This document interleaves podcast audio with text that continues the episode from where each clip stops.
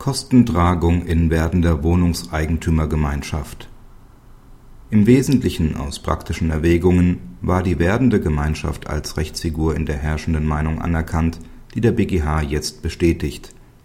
Die durch Vormerkung gesicherte Erwerberin einer Eigentumswohnung wird von der zwischenzeitlich durch Eigentumsübertragungen entstandenen Wohnungseigentümergemeinschaft auf Zahlung von Wohngeld in Anspruch genommen. Sie will deshalb nicht zahlen weil sie nicht Mitglied der entstandenen Gemeinschaft sei. Der BGH beurteilt dies anders. Das Mitglied einer werdenden Wohnungseigentümergemeinschaft ist, auch wenn diese zwischenzeitlich in Vollzug gesetzt wurde, weiterhin verpflichtet, die sich aus der Mitgliedschaft ergebenden Verpflichtungen zu erfüllen. Es besteht ein praktisches Bedürfnis, die Anwendung der Bestimmungen des WEG auch auf das Anlauf bzw. Gründungsstadium zu beziehen dies gilt zumindest für das Innenverhältnis, weil anderenfalls wegen der vielfach sich lang hinziehenden Auseinandersetzungen mit dem Bauträger zu befürchten ist, dass eine Bewirtschaftung und ordnungsgemäße Verwaltung nicht möglich wird. Auseinandersetzungen wegen bestehender Mängel, die daraus folgende Nichtzahlung der Kaufpreisraten und die insoweit nicht vorgenommene Grundbuchsumschreibung führen ansonsten dazu dass in zahlreichen Fällen die Entstehung der Gemeinschaft über Jahre verzögert wird. Zwar kann im Verhältnis der Gemeinschaft zu den Erwerbern und zwischen den Erwerbern untereinander die Geltung des WEG vereinbart werden, dabei stößt man jedoch wegen des zwingend erforderlichen Gleichklangs der Regelung häufig auf Schwierigkeiten. Geboten ist deshalb die Anwendung des WEG, sobald die Käufer eine gesicherte Rechtsposition erworben haben eine Anlegung der Wohnungsgrundbücher ist nicht erforderlich, da auch Anwartschaftsrechte eine sichere Rechtsposition bei entsprechender Vormerkung haben können.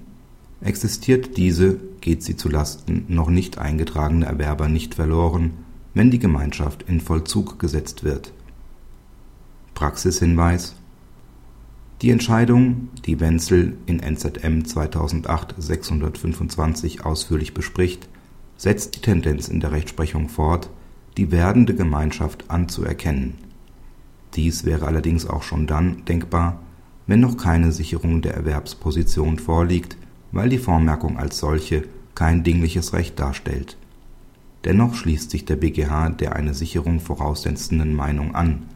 Dem mag man mit Blick darauf, dass sich darin eine gewisse Ernsthaftigkeit des Erwerbs spiegelt, zustimmen Interessant ist an der Entscheidung, dass der BGH, wenn dies auch für das Ergebnis nicht von Bedeutung war, durchaus in Betracht zieht, dass die Grundsätze der werdenden Wohnungseigentümergemeinschaft auch noch auf solche Erwerber Anwendung finden könnten, die nach der Entstehung der Gemeinschaft durch die erste Grundbuchumschreibung vom Bauträger eine Wohnung erwerben. Damit würde vermieden, dass von den Zufällen der ersten Grundbuchumschreibung abhängend eine unterschiedliche Behandlung der jeweiligen Erwerber stattfindet. Insbesondere beim finanziell schwachen Bauträger ergeben sich Vorteile, wenn dieser durch zahlungskräftige Erwerber abgelöst werden kann.